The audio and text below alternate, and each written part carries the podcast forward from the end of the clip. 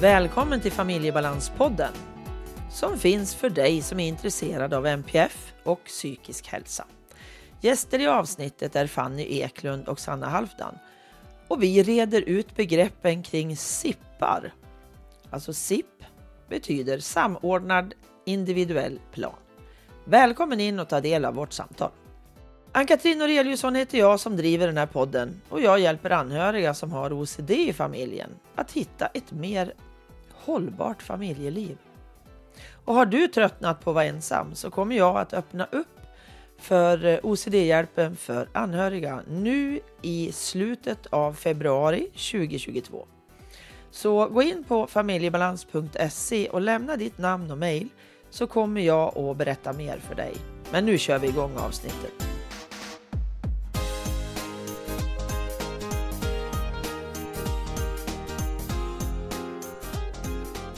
Hej på er och välkommen till podden! Hej! Hej! Idag är vi tre i samtalet och det kommer att bli jättespännande för det är inte lika enkelt som när man är två. Men jag tror det blir jättebra i alla fall. Och ni heter Sanna och Fanny, eller hur? Det stämmer. Yes. Och då vill jag att ni berättar först lite, vilka är ni? Ja, jag heter Fanny Eklund och är då en av författarna till den här boken som vi ska prata om idag. Mm. Eh, och till vardags så arbetar jag på Riksförbundet Attention eh, i ett projekt som heter Ung Dialog. Eh, jag är socionom eh, och ja, jobbat många år med det och sen är jag också mamma till två barn med NPF. Okej. Och jag heter Sanna Halfdan, jag är också socionom sedan många år tillbaks. Eh, och jag har ju då skrivit också den här boken tillsammans med Fanny. Och jag har jobbat länge inom socialtjänsten med barn och unga.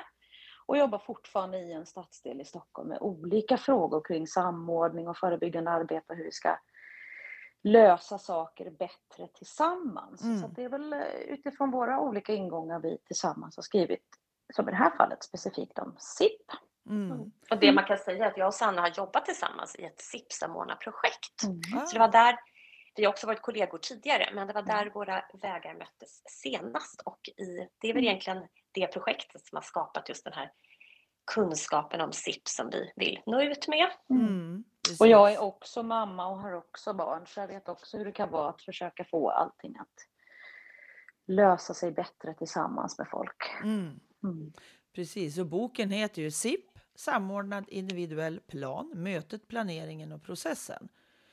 Och det är ju just det här att reda ut de här begreppen runt samordnad individuell plan som vi ska prata om. För jag tycker att det här är så oerhört viktigt, för jag blev så glad när det liksom började dyka upp att man kunde ha de här SIP-mötena som man säger. Men vad Mm. är det som gjorde att ni ville skriva boken? Mm. Jag tänker att vi har lite olika ingångar kanske till viss del. Ehm, för vi, för vi vi arbetade ju i det här projektet och fick liksom jobba väldigt dedikerat med att utveckla arbetet med SIP. Mm. Och jag personligen då kände att det fanns, ja men det, jag fick så mycket kunskap om vad det är som skapar bra, eh, bra planer helt enkelt och bra processer. Och det, det är väl egentligen det här att nå ut med den här kunskapen. Därför att jag tänker vi kan gå in lite på vad SIP är, men just det här Mm. att, att SIP-möten är ju som du säger, det är en sån bra grej, Mm. men det kan gå så fel. Mm. Det kan bli så jobbigt fast det egentligen ska vara hjälpsamt och avlastande. Mm. Och det är väl det här, den här liksom, eh, kunskapen som, som jag tror att både jag och Sanna fick med oss om att, att hur vi gör är helt avgörande för hur det blir Mm. för, för Mm. alla. Och att Mm. den kunskapen eh, är så viktig att, att nå ut med. Så när vi fick frågan om att skriva den här boken så, så var det ju självklart att vi åtminstone skulle försöka skriva en bok. Mm. för min del. Mm. Och precis som Fanny säger, vi har lite olika vägar in i det. Att vi har både tillsammans jobbat mycket med de här mötena, att se till att mötena blir bra för de personer som behöver samordning. Men vi har också jobbat en del med de organisationer och verksamheter som i det fallet jobbade i och kring Stockholm, att få dem att komma överens om Mm. Vem ska kalla och hur ska vi kalla och hur ska vi... För det behövs också att Mm. verksamheterna är överens på en annan nivå än på själva mötet. Så vi, vi ville liksom både skriva om det här, att, att mötet blir bra, men också att samverkan mellan organisationerna funkar. Så att det är lite olika delar som behövs för, Mm. att, för att samordningen ska funka kring en individ. Verkligen, för det är många delar tänker jag då som är anhörig och, och jättegärna vill att det här ska fungera. För det avlastar ju mig som anhörig också. Att jag inte ska Mm. följa på 40 ställen liksom, utan det kan samlas på ett ställe. Men Mm. vad är då SIP? Vad, vad innebär att, att ha en SIP? SIP, vi börjar med bokstäverna. Mm. Samordnad individuell plan. Jag tänker att de tre bokstäverna ringar in vad det, vad det står för. Det handlar om samordning. Det finns, när det finns kring en person, huvudpersonen, det här barnet till den här vuxna som har många olika kontakter för stöd och hjälp i sitt liv och sin vardag. Mm. Det behöver oftast samordnas. Har man fler kontakter så behövs det samordnas. Det handlar om att det är den här individen, alltså en plan som ska göras kring en person för att man ska samordna. Det är ju liksom grunden i vad det här är. Och det som är inskrivet i, åtminstone två av våra lagstiftningar idag, socialtjänstlagen och hälso och sjukvårdslagen, det är att alla de som jobbar i de här verksamheterna, när man ser att här finns en person som behöver hjälp, både från någon, någon del av socialtjänst och någon del av hälso och sjukvården, att då behöver vi tänka till. Mm. Mm. Behöver vi inte samordna det här? Behöver vi inte kanske mötas på samma möte? Eh, Det är grunden till vad samordnad individuell plan. Sen är det ju så otroligt mycket mer som händer än att det bara hux flux blir en samordning. När vi alla möts på ett och samma möte och kan få höra olika delar av helheten, då får alla de här personerna som jobbar kring en, en, eh, en huvudperson, de får Mm. en bredare bild av ja, men hur är det att vara Nils eller Anna eller den vi jobbar kring. Och för huvudpersonen själv är det oftast väldigt avlastande att få alla samlade på en och samma gång. Alla hör samma sak. Man behöver inte berätta samma sak. Först hos eh, psykiatrin och sen hos socialtjänsten och sen hos vad det nu kan vara. Utan alla är samlade. Det underlättar. Otroligt. Mm. Det underlättar jättemycket verkligen. Att behöva säga Mm. saken en gång Mm. och inte massor med gånger. Men då har Mm. vi ju lite både varför och varför det behövs egentligen. Mm. Det Mm. behövs för att ofta har personerna inom de här, både psykiatrin, ja det är ju psykiatrin framför allt då, behöver, har ju ofta väldigt många kontakter. För om jag tittar bara i, i, hos min son, han har ju boendestöd, han har personligt ombud, han har kontakter inom psykiatrin, kanske en terapeut på något sätt, habiliteringen. Alltså det kan ju vara hur många som helst. Mm. Mm. Och då behövs det ju. Och det här har ju jag roddat med förr. Ja, men det säger sig ju själv, tänker Mm. jag. Det är precis som du beskriver, att det är ju ett, ett omöjligt uppdrag Mm. för en anhörig att hålla Mm. i alla de trådarna. Mm. Eller för din son Ja. eller någon annan huvudperson. Jo, men och den som då har den psykiska nedsättningen till exempel eller NPF, den har ju inte ens förmågan liksom att sätta sig i telefon kanske två timmar om dagen periodvis för att få till alla de här kontakterna. Men vilka kan, några nämnde jag, men vilka kan eller behöver vara med på ett SIP-möte då? Ja. Nej, men det är ju som, som Sanna sa, det finns ju inskrivet i hälso och sjukvårdslagstift, eller eh, hälso och sjukvårdslagen och i socialtjänstlagen. Mm. Så det är ju de, eh, alla som, som arbetar utifrån de här lagstiftningarna har en, en, en möjlighet eller en skyldighet att Mm. bevaka rätt, alltså, möjligheten till SIP och ska ju erbjuda det vid behov. Och jag tycker att det är jätteviktigt att säga att jag tycker att man som professionell ska ha de här glasögonen på sig Mm. eh, så fort man träffar någon som har en kontakt inom socialtjänst och hälso och, eh, Mm. hälso och sjukvården. Oavsett om man har två kontakter Mm. eller 30. För det kan vara lika viktigt med samordning även om man har få kontakter. Så, det, så, så är det. Och sen är då vilka, vilka ingår i det? Ja, det är ju väldigt många.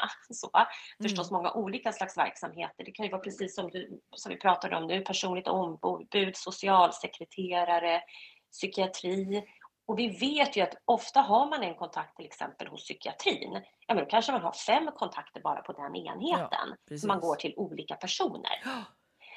Och här är det ju lite...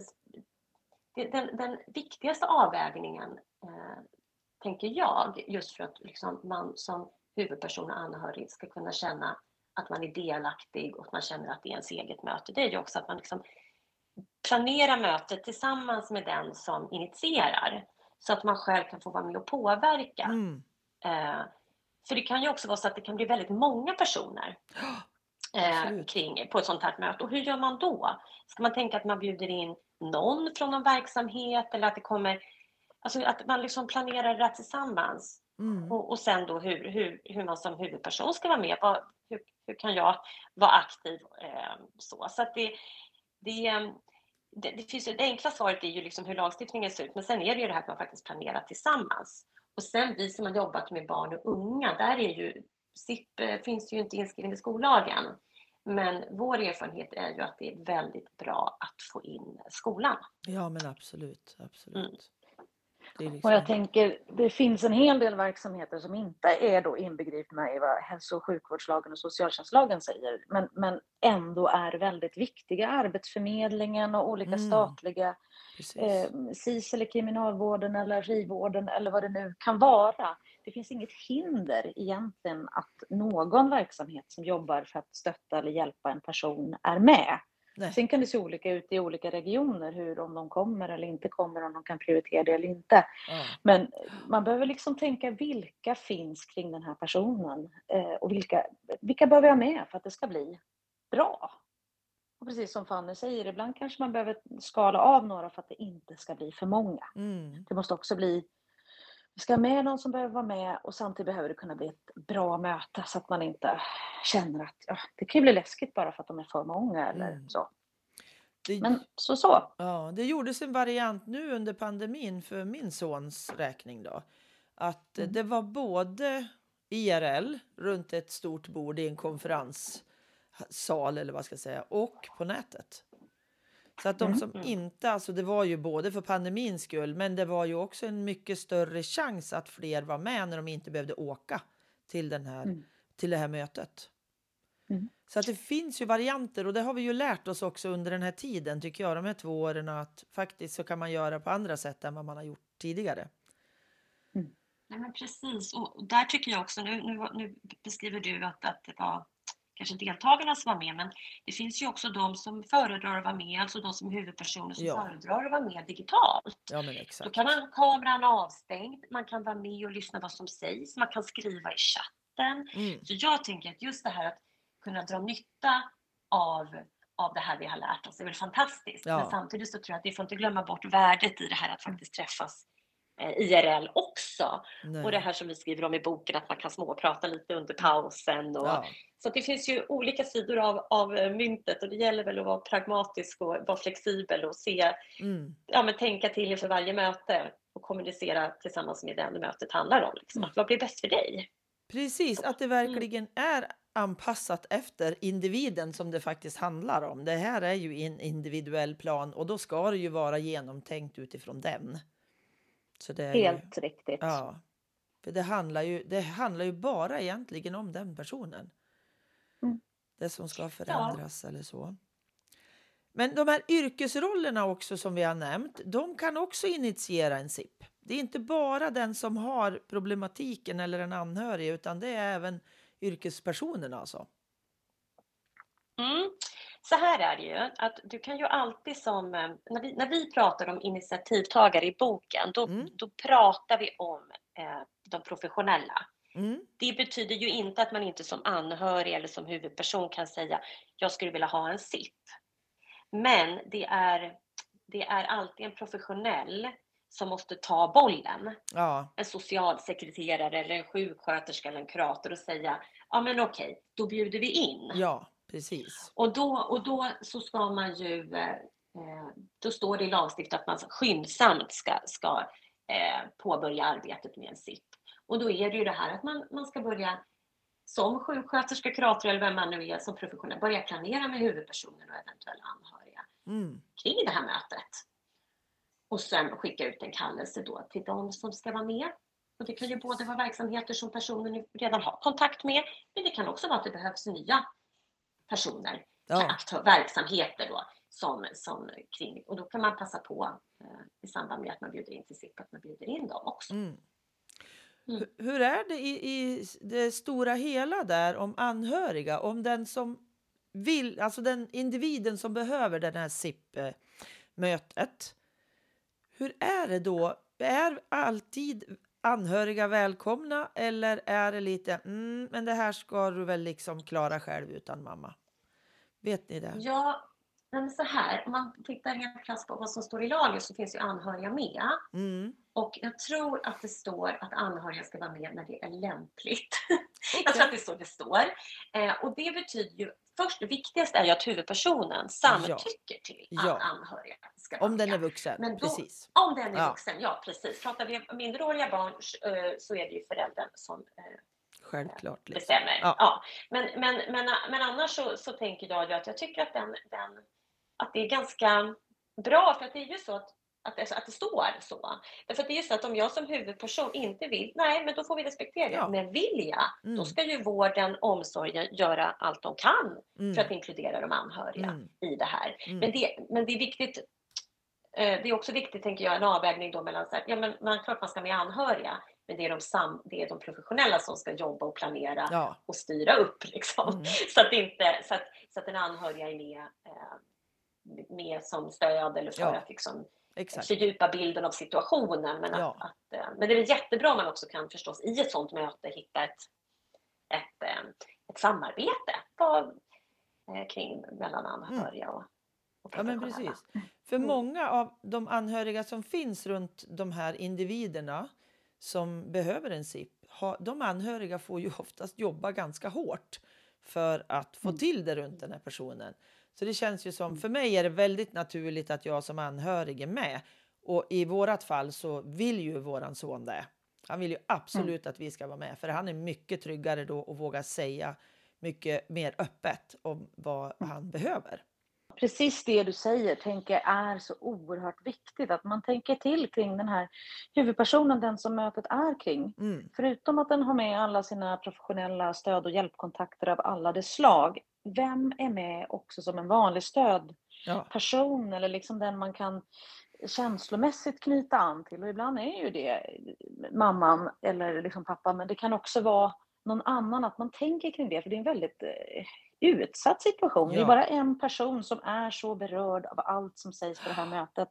Och det är den här huvudpersonen. Det är den personens liv och vardag man pratar om. Mm. Och ibland Mm. kan det ta så mycket energi bara av att liksom orka vara på det mötet och känna allt som känna kring allting som sägs. Och då kan det vara skönt att ha någon annan med som känner en på, på ett annat sätt och kan föra ens talan ibland och ibland hjälpa till att komma ihåg efteråt eller Ja. bara för att veta att ja, men jag har någon som är helt min, som inte är där bara för att det är dens professionella uppdrag just den dagen eller vad det kan vara. Nej, men precis. Så det är ju väldigt viktigt. ja, och någon att prata med sen, tänker jag. Just det här, Mm. liksom, vad, vad sa vi egentligen? För man kan vara så Mm. upptagen om man har alltså många människor involverade runt sig att jag, jag får inte ihop, vad pratar vi om, vad bestämdes det? Mm. Och i Mm. nästa tanke så är det för mig att vi ska alltid ha någon som antecknar och gör det och ger det sen till den som var huvudperson, den som Mm. behövde sippen. För annars minns inte jag som anhörig och inte kanske definitivt inte den som är huvudperson. Mm. När vi, eh, så som vi tänker mycket kring SIP-möten så jobbar vi väldigt mycket med att det ska finnas tydligt visuellt i, nu pratar jag om ett rum där man sitter tillsammans, Ja. att man använder kanske en hel whiteboard där man på olika sätt liksom skriver stödord om det man pratar om, att man strukturerar upp på en tavla så att man kan liksom hålla lite lättare i huvudet Mm. alla de olika saker man pratar om. Förutom att mötet ska ju till syvende och sist mynna ut i en planering. Okej, Mm. vem är det som ska göra vad och när? Den ska Mm. vara så tydlig det bara går. Mm. Men innan man har kommit så långt att man faktiskt har gjort den planeringen, vad är det som har sagts då? Vad var det man sa som funkade bra? Och vad var det man sa som man behövde jobba vidare på? Mm. Apropå det du säger, att det är mycket som sägs på ett möte. Det är mycket man kan känna på ett möte. Det är många frågor som dyker upp och då kan det vara avlastande och skönt att ha någon slags visualisering. Förutom det som du säger, att ha någon med sig som kan nu viftar lite Fanny här. Vad tänkte du Fanny? Mm. Jag menar inte att du, att du skulle avbryta dig. Jag ville bara signalera. Vi sitter här som två politiker och höjer Ja, handen. precis. Man har något att säga. Eh, nej, jag tänkte ju på det. Alltså jag, jag tänker att vi kan inte heller gå förbi. För jag tänker kanske är det så att jag ibland som har jobbat så mycket med SIP tänker att det är självklart att man får med sig ett protokoll i Mm. handen. För det tycker jag är en av de här, eller det är en av de stora. Det är inte bara att man samlas, det är att alla får med sig samma plan. Ja. Det finns en plan för huvudpersonen Mm. och anhöriga och det står här och alla kan läsa och se. Mm. Men det är kanske inte alltid en självklarhet. Men det är ju så att det ska finnas. Det Mm. här ska inte... Det tycker jag är den stora, en av de stora skillnaderna. Det är den här strukturen som Sanna beskriver. Att det finns en plan för hur mötet ska, ska, ska se ut som utmynnar i en tydlig plan. Mm. Och den ska vara precis så tydlig som det går att göra den. Kan man inte fatta beslut i rummet, då ska huvudpersonen veta när får jag en återkoppling. Liksom. Precis. Det ska vara så tydligt. Mm. På vilket sätt? Med sms eller telefon? Mm. Alltså bryt ner det och sen ska alla få med sig den här planen. Mm. Jo, men, Det är eh, väldigt viktigt. ja. Och jag tänker just där genom att det oftast är, eller oftast, det är ju personer som har svårigheter, ofta kognitiva svårigheter och svårt att ta in information och då måste det vara så jättetydligt så att det är ingen, inget snack om vad det är och att det ska vara lättläst. Alltså enkelt att ta in efteråt så jag fattar vad, vad, vad blev det av det här liksom. Ja, och som den som kanske då håller i mötet, den har ju ett jättestort ansvar. När, när någon säger, säg att psykiatrin säger, ja vi, vi, vi ska jobba vidare med den här frågan under hösten. Då behöver mötesledaren följa upp det. Vad betyder jobba vidare med? Vem ska jobba vidare med det? När ska ni göra det? Mm. Okej, hur många gånger? Och att man inte ger sig förrän den här planeringen är så tydlig som den kan vara just då och behöver vara och så tydlig som den behöver vara för huvudpersonen. Ibland har vi jobbat med möten där det har behövt stå Okej, hur ska återkopplingen ske? Ska jag ringa? Ska vi ha ett Ja. möte? Föredrar du ett sms? Helt utifrån vem är den här huvudpersonen och hur kan den orka med eller klara av kommunikationen? Mm. Så det kan vara olika nivåer av detaljrikedom beroende på vem, vem är den här personen. Men Mm. planeringen ska vara tydlig när man går därifrån. Vad är det Mm. vi vet just nu? Inte något svepande, det här ska vi jobba med sen eller under hösten. Eller kanske titta på. Precis, så jag hörde ju, det var nog kanske mer i början när vi började använda, använda SIP-möten eller de här samordnade individuella planerna, att det var en. Och det kan ju inte jag riktigt tycka att det är okej. Utan jag känner att det måste ju till uppföljningar efteråt för att se, ja men vad har hänt då? Vad tycker Ja, ni? Vad tycker ni? Ja men absolut. Vi tycker absolut det. När man har ett första sånt här sittmöte, ett möte för att göra en plan. Mm. Det är ju väldigt mycket som kommer i dagen. Det kan vara ganska långa möten, de kan vara ganska mastiga. Mm. man- alla får en större bild av helheten kring den här personen och så gör man en planering. Och den planeringen kan låta jättebra, men det här med att verkligen boka in en uppföljning, det är två delar. Det sätter både lite eld i baken på de som faktiskt Mm. har sagt att de ska göra någonting, för man vet att det kommer följas upp. Och att sen ha det här uppföljande mötet, förutom att man kan justera, vi kanske behöver lägga till någonting eller dra ifrån någonting. Det är då man kan börja få känna att så här, ja, men titta, de här sakerna har gjorts och det här blir lite bättre. Alltså det är en väldigt Mm. viktig del, både att, se till att det blir gjort men också faktiskt få titta på och se att men titta, det blev lite bättre. Jag kom iväg på det här mötet och det här hände och den här kommunikationen funkar bättre eller vad det nu är. Mm. Eller vad säger du Fanny? Ja, och för att det ska... En, en, en viktig del i det här är ju att boka ett uppföljande möte under sittande möte. Ja. Därför att det är väl perfekt när alla sitter där att man bokar det här mötet och inte säger att det gör vi sen. Eh, För då finns det en risk att det rinner ut i sanden. Så Mm. det tycker jag, det måste man tänka att det måste finnas tid till. Sen ska vi inte glömma bort att, att det finns en, en eh, uttalad roll eh, som huvudansvarig. Och det tror jag också ibland att man kan missa. Mm. Att, eh, att man ska utse någon som är ansvarig för planen. Mm. En verksamhet. Och det måste vara social, eh, socialtjänst eller hälso och sjukvård. Mm. Och det är ju en verksamhet, men det är jättebra om det också är en person med ett namn Mm. som huvudpersonen och anhöriga kan ha kontakt med. Nej, men nu vill vi bjuda in den här verksamheten till uppföljande möte Mm. som inte kanske var aktuell under för, vid förra mötet och som också eh, tar ansvar om det behöver bokas om eller om det behöver bytas lokal och alltså Mm. alla de här sakerna som det behöver roddas med. Mm. Så att, eh, det, det behöver eh, utses en huvudansvarig och den huvudansvarige för planen bör ju helst vara någon som huvudpersonen själv får utse. Eller träffa regelbundet som har kanske den som kanske har bäst koll Ja. skulle jag säga. För att det underlättar ju kommunikationen om det är någon som man kanske träffar mer regelbundet. Mm. Om det är någon, någon kontakt inom psykiatrin eller socialtjänsten. Så det bör inte, det, det, det är liksom jag tycker att det, det, det är jättebra om man kan liksom lämna det till huvudpersonen. Vem skulle du vilja vara ansvarig för din plan? Så himla bra. Jag ser ju att det saknas ju lite saker i det jag, de sippar jag varit med på. Det var väldigt bra att få veta kan jag säga. För att, eh, Mm. jo, men alltså, är inte vi anhöriga på något sätt påläst och kan då berätta för våra närstående att det här har du rätt till och så här ska det gå till. Då blir ju den också stärkt i sin, i sin svårighet. Liksom att, ja, men alltså, den blir inte stärkt i svårigheten så, men den blir stärkt mitt i det svåra. Att, ja, men jag har ju rätt till en massa saker. Jag är inte bara ett stort besvär, utan jag har faktiskt rättigheter också. För det märker jag ofta hos eh, många som har tvång, då, som är det som jag jobbar mycket med. Att man känner sig vara sånt till, till så stort besvär. Jag, jag åsamkar ju ingen glädje i livet för någon. liksom. Och då är det bra att få veta att ja, men det här är dina rättigheter. Det här är liksom det här är sånt som du kan be om. Mm. Det känns viktigt i mig. Jag skulle ju, nu kanske jag säger något jättekontroversiellt, här känner jag. nej det tror jag inte. Jag skulle ju önska att SIP var, blev ännu mer en eh, rättighetslag Ja, faktiskt. Håll Att det stod mer uttalat att man har rätt till det. För nu Ja. står det ju bara att det ska upprättas en SIP. Mm. Man kan, man kan liksom, eh, och, och många frågor vi får det är ju det här, men om jag blir nekad en SIP, vem kan jag gå till då? Alltså det är inte riktigt tydligt, så Nej. där tycker jag ju faktiskt att man skulle kunna skärpa till det ännu mer faktiskt. Det tycker jag med.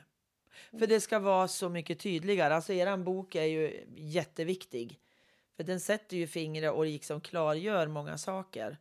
Så det, är, det känns som att ja, det krävs att steppa upp lite mer runt sipparna faktiskt.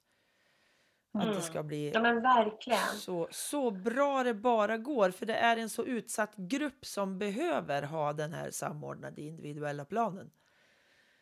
Ja, och där tycker jag, jag tänker också det här med att steppa upp. Någonting som också skulle kunna bli bättre, det är ju det här att man har sippar tidigare. Ja, Det är ju någonting Ja. som jag och Sanna jobbade mycket med i projektet, att när vi började jobba med SIP, och det här kanske har förändrats, men då var det mycket att nu har vi prövat allt, så Ja. nu måste vi ha en SIP.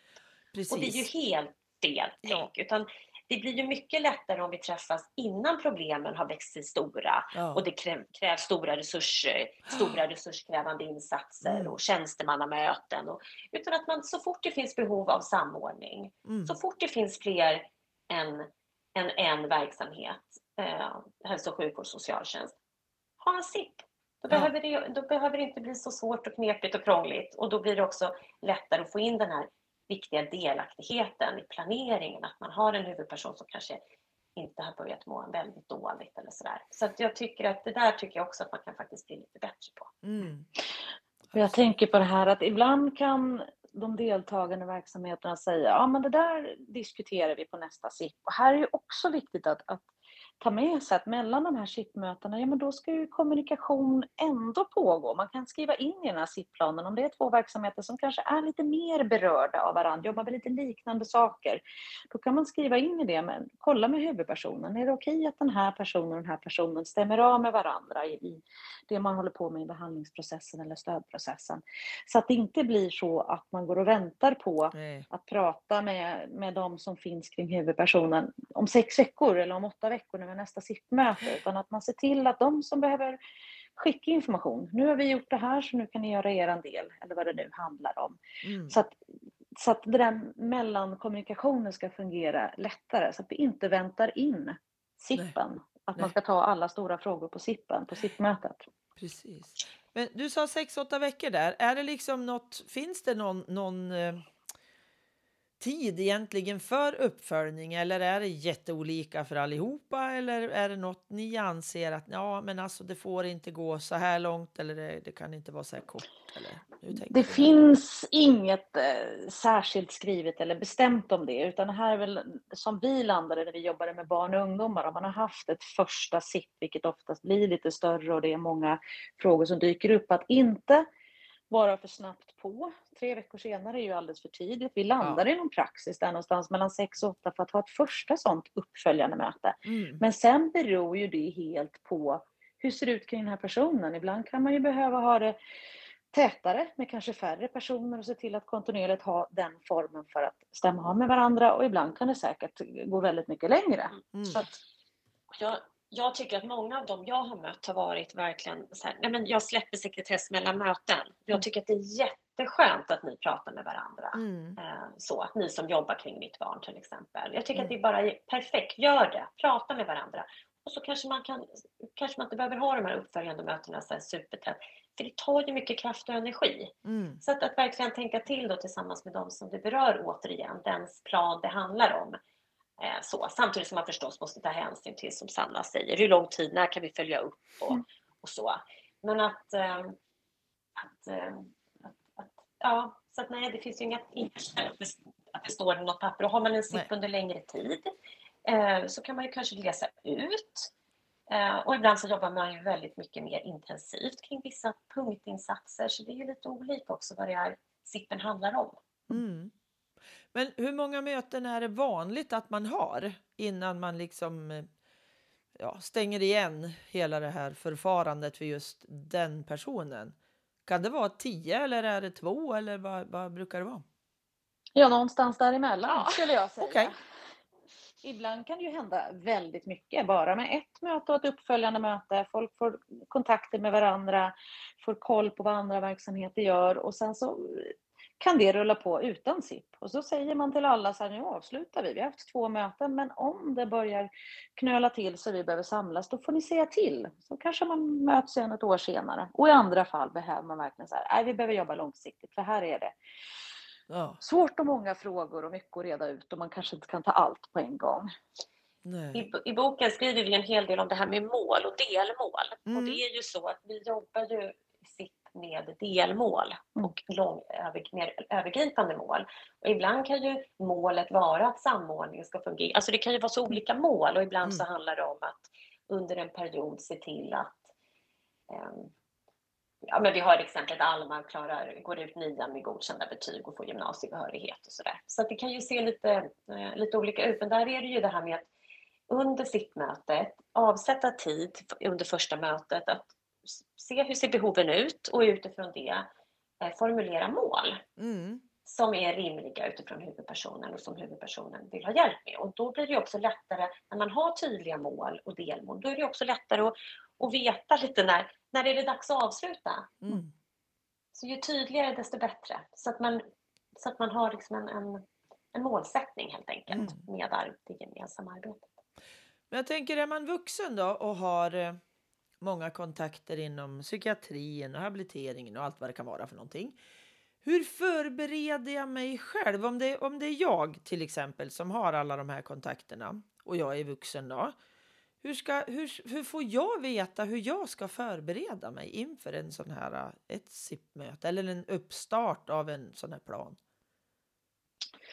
Jag, jag tänker att i de bästa världar så, så kommer jag, om jag är huvudpersonen på det här mötet, att jag får förbereda mig tillsammans med den som ska vara mötesledare eller på något sätt huvudansvarig. Att man får mm. prata igenom vad är det vi ska prata om på det här mötet och vad är det jag inte vill att vi ska prata om på det här mötet? Mm. Hur, hur lång tid orkar jag ha det här mötet? Eh, finns det några hjälpmedel jag behöver för att jag ska klara av att ta till mig det som händer? Hur tänker vi kring pauser? Mm. Ehm, jag tänker att det, det, är ju en del, att man måste göra det tillsammans. Och jag, om det är mitt möte, jag behöver känna mig trygg med att jag vet vad kommer hända, vad kommer sitta, vilka kommer vara med, hur kommer ja. dagordningen se ut. Allt det där behöver huvudpersonen vara med och känna igen och ha godkänt. Sen kan det finnas vi har pratat lite om det, Fanny och jag har pratat en del om det, att ibland kan det finnas eh, underliggande kanske konflikter eller någonting Mm. som känns väldigt svårt. Mm. Då behöver man kanske signalera kring, kring det. Man kanske är arg på någon som ska komma på mötet. Då kan man behöva kanske lyfta den frågan så att det här ska vi inte prata om på mötet. Alltså, så att det är både och. Jag tänker Mm. att det är jätteviktigt att man får vara med hela vägen egentligen och planera mötet Mm. som huvudperson. För det är, det är den personens möte. Och det gör Mm. man bäst med den som kommer hålla i mötet under tiden. Om den vet lite, det här, det här kan bli känsligt, det här vill jag inte prata om, det här är okej att prata om. Så. Mm. Ja, nej men jag tänker att precis det som Sanna säger och där tycker jag att det kan vara bra då om man som huvudperson lyssnar på det här och så ska man ha ett sittmöte och så får man inte någon tid till förberedelse med, med mötesledaren eller den som har liksom initierat mötet då, ja men någon på psykiatrin till Mm. exempel, utan helt plötsligt får man bara veta att vi ska ha ett sittmöte och de här kommer. Mm. Att då tycker jag att man ska, ska, ska säga nej, nej, nej, vänta här, Ja. jag vill vara med och planera mitt eget möte. Det är jätteviktigt, både utifrån det som Sanna säger kring det här med att vara trygg och veta vad som ska hända och det här att, att det är mina frågor som ska vara i, i främsta rummet. Därför att en av de stora, om man nu ska tänka riskerna, det är ju när man sätter många professionella i rummet, det är ju att de börjar prata om hur de ska lösa sina problem i samordning. Mm. Eh, och inte eh, situationen kring huvudpersonen. Och jag tror att det är när det där händer som det ofta kan bli väldigt fel. Mm. Så där är ju den här förberedelsen jätteviktig. Mm. Och sen pratar vi lite om att, ja, men hur gör man då om man hamnar på ett möte eh, där man känner att det, är, eh, att det där blir sådär jobbigt och obehagligt eller att man känner sig talad över huvudet och så. Att, att om man kan liksom hitta någon kraft och säga, nej men vänta här nu, det här, nu, nu känns inte det här bra, så är det bra. Men vi har ju också full respekt för att det är rätt svårt och tufft. Liksom. Mm. Och då kan man få den där styrkan också om man får då en chans att förbereda sig. Att, att också kanske med hjälp av anhöriga kunna säga att nej men nu, nu tycker jag att det här inte känns bra. För man ska Mm. inte gå från ett sittmöte och känna att det inte blev bra. Nej. Alltså, nej. Så eh, det är väl det här att liksom kanske förbereda sig själv kring att tänka vad behöver jag i det här mötet för Mm. att må bra? Vad är mina behov? Och vilka är mina viktigaste frågor? Och Ja. försöka bli liksom medvetandegöra sig om det innan Mm. och ha lite Jättebra. strategier. Ja, jättebra. Viktigt som bara den. Men om det är ett barn det handlar om då, som är tio år säger vi, ska de vara med på SIP-mötet eller är det föräldrarna som för deras talan då? Eller hur, hur funkar det? Jag tänker att det är bra att vi i, i större utsträckning än vi gjort tidigare har med barnen. Det är deras möten, men det Mm. kräver ju en annan sorts eh, förberedelse. När vi Mm. ha- höll på med inom vårt SIP-samordnarprojekt så märkte vi att ja, men barnen var ofta inte med och vi fick hålla på och jobba lite med det. Att både eh, bjuda in dem, för många gånger kan föräldrar av välvilja tänka att men det här är ett långt möte, ett jobbigt Mm. möte, ett pratmöte, det här kommer de inte vilja vara med på.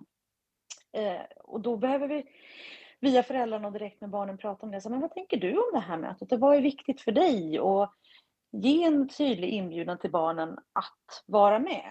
Mm. Eh, sen kan en del barn kanske vilja vara med en stund eller inte alls eller skicka med några frågor eller vara med på, på distans en liten stund. Men det, det viktiga är att vi, vi ska varken förutsätta att de orkar vara med eller vill vara med hela tiden eller inte tänka att de ska vara med alls. Utan vi behöver verkligen bjuda in barnen mer och mer. Och här tänker jag att det här med att barnkonventionen har blivit lag, Mm. att vi pratar mycket om barn har en rätt att veta Mm. om vad som gäller dem och barn har rätt att föra fram sin åsikt om de vill. Vi behöver vara på tårna och utveckla det här hela tiden men Mm. inte förutsätta att vi vet innan om, om, om de vill eller inte om, de- om de vill, om de orkar, om de inte orkar. Mm. Eh, sen kanske just tioåringar, ja, om man pratar lite äldre, tonåringar, då tänker Ja. jag att vi verkligen ska förutsätta att de kommer verkligen vilja vara med. Ja. Eh, det är deras möten. Det är ju jätteläskigt att massa andra sitter och pratar om hur det ska vara i mitt liv och jag är inte ens med. En tioåring, ja. Ja. Tänker du Fanny? Men jag tänker ju också att eh, många av de barn som vi har sippar kring har ju också en neuropsykiatrisk funktionsnedsättning. eh, En hel del har ångest. Mm. Och det är klart att jag tycker inte att man ska tvinga något barn, och det säger ju inte du så här Sanna förstås, men alltså det är viktigt att vara liksom och ha lite kunskap tror jag också om de här funktionsnedsättningarna eh, för att också kunna skapa den bästa, den bästa förutsättningarna för ett bra möte. Därför att det är inte, det, det, det ställer liksom krav på, när man sitter en massa okända människor och pratar om den och så har du kanske svårt för det här liksom sociala ja, eller att exakt. ta in eh, information eller att du inte hänger med på olika sätt för att det blir för mycket och det kanske där blir det ju ännu viktigt att vi är strukturerade, ja. att vi verkligen har en dagordning, mm. att vi mm. inte bjuder in personer som barnet känner sig otrygg med. Precis. Och sen om barnet inte vill, nej men då kan man faktiskt delaktiggöra barnet på andra sätt. Mm. Man kan träffa barnet innan. Man kan be barnet skriva någonting. Mm. Man kan spela in, låta barnet spela in en ljudfilm, en ljudfil eller en film. Man kan ha med en bild på barnet och sen se till då, det som är det absolut viktigaste, det är ju det här att lyssna på barnet och se till att barnet får en återkoppling. Mm. Eh, på det här som sägs och ge mm. barnet en möjlighet att uttrycka sina åsikter och det behöver man ju faktiskt inte göra på mötet om man inte vill. Nej. Men jag tror att vi kan bli mycket bättre på att tänka kring hur kan vi trycka det här specifika barnet mm. eh, i det här sammanhanget. Mm. Kan man få det inspelat, alltså spela in hela mötet alltså i ljud för att liksom kunna titta tillbaka? Vad sa vi egentligen? Är det något som händer någon gång? Jag tycker att det är en jättebra idé. Jag tycker att vi pratar mycket nu när jag pratar, jag jobbar med delaktighet och mycket i mm. mitt jobb också och det här med att spela in. Eh, men det som kan hända är att professionella kan känna att oj, ska jag bli inspelad mm. liksom? Så jag tror att det är bra att vill man spela in, då ska man nog förankra det innan. Eller vad mm. säger du Sanna? Så att man mm. som professionell också kan vara lite så här och kanske också, nej, jag vill spela in för att komma ihåg vad som sägs. Ja men precis. Eh, så att man är tydlig med vad som är mm. syftet. Liksom. Ja. ja. För så är det ju för mig. Jag kan ju, jag minns ju inte och jag klarar inte av att anteckna heller under tiden. Då måste ju någon annan vara väldigt noga då att mm. anteckna och ibland så vill man ju lyssna tillbaka. Vad sa vi egentligen liksom? Mm. Men... Jag tänker, ehm, nu tänker jag bara lite fritt, men, men ett sittmöte, som det kan ju vara en timme, en och en halv timme, mm. upp till två timmar ibland. Och det, det, det, är ju som en process som pågår i det här mötet när vi kliver in, om det är ett första möte. Alla börjar beskriva ur sina olika perspektiv och beskriver den här helheten kring huvudpersonen. Det händer någonting under tiden där man liksom börjar tänka nya tankar. Så det man kommer fram till vid slutet av mötet, det bygger ju på egentligen allting man hunnit tänka och frågor som har ställts. Mm. Jag tänker om man då har spelat in ett helt möte och kanske lyssna på någonting som sades de första 15 minuterna, ja. då kanske det inte har någonting att göra med vad man kommer fram till på slutet. Nej. Så jag tänkte utifrån att spela in ett längre möte och spela upp det för ett barn, att det kan, kan, kan kanske också förvirra. Ja. Men man kanske om man har en spela in sammanfattningen på slutet. Ja, men eller, ja, men det är en väldigt spännande idé ja. att så här, gå laget runt och alla säger någonting till den. Idag har vi haft det här mötet och vi landar i det här och det här. Och, ja, Ja, precis. Och jag uppfattar inte din fråga som att man ska spela in just för barnet, utan mer kan jag spela in? Eller ja. hur? Men man kan också tänka att man kan använda det för någon som... Ja, och jag tänker att det är klart att man... Jag tänker nu utifrån brukarperspektiv, alltså det är klart att man ska kunna, om man behöver spela in ett möte för att ändå kunna gå tillbaka, mm. så är väl det jättebra. Eh, mm. så. Eh, mm. Men också som, som du sa Anna, just det här med att kanske spela in sammanfattningen. Det här har vi bestämt mm. idag och så här och så mm. och mm. inte mm. liksom kanske två timmar utan Nej. kanske fem minuter. Göra en sammanfattning. Mm. Det tror jag skulle vara väldigt bra för att det är inte alla mm. som har lätt att läsa heller. Även om man är läskunnig så kan det vara att det blir vitt arket i alla fall fast jag kan läsa. Men det, blir, det är så svårt. Och då kan det vara lätt att när jag läser så kan jag lyssna samtidigt. Ja men just det, det här står det ju det, vi, det som mm. bestämdes. Och det behöver jag inte vara barn för, tänker jag.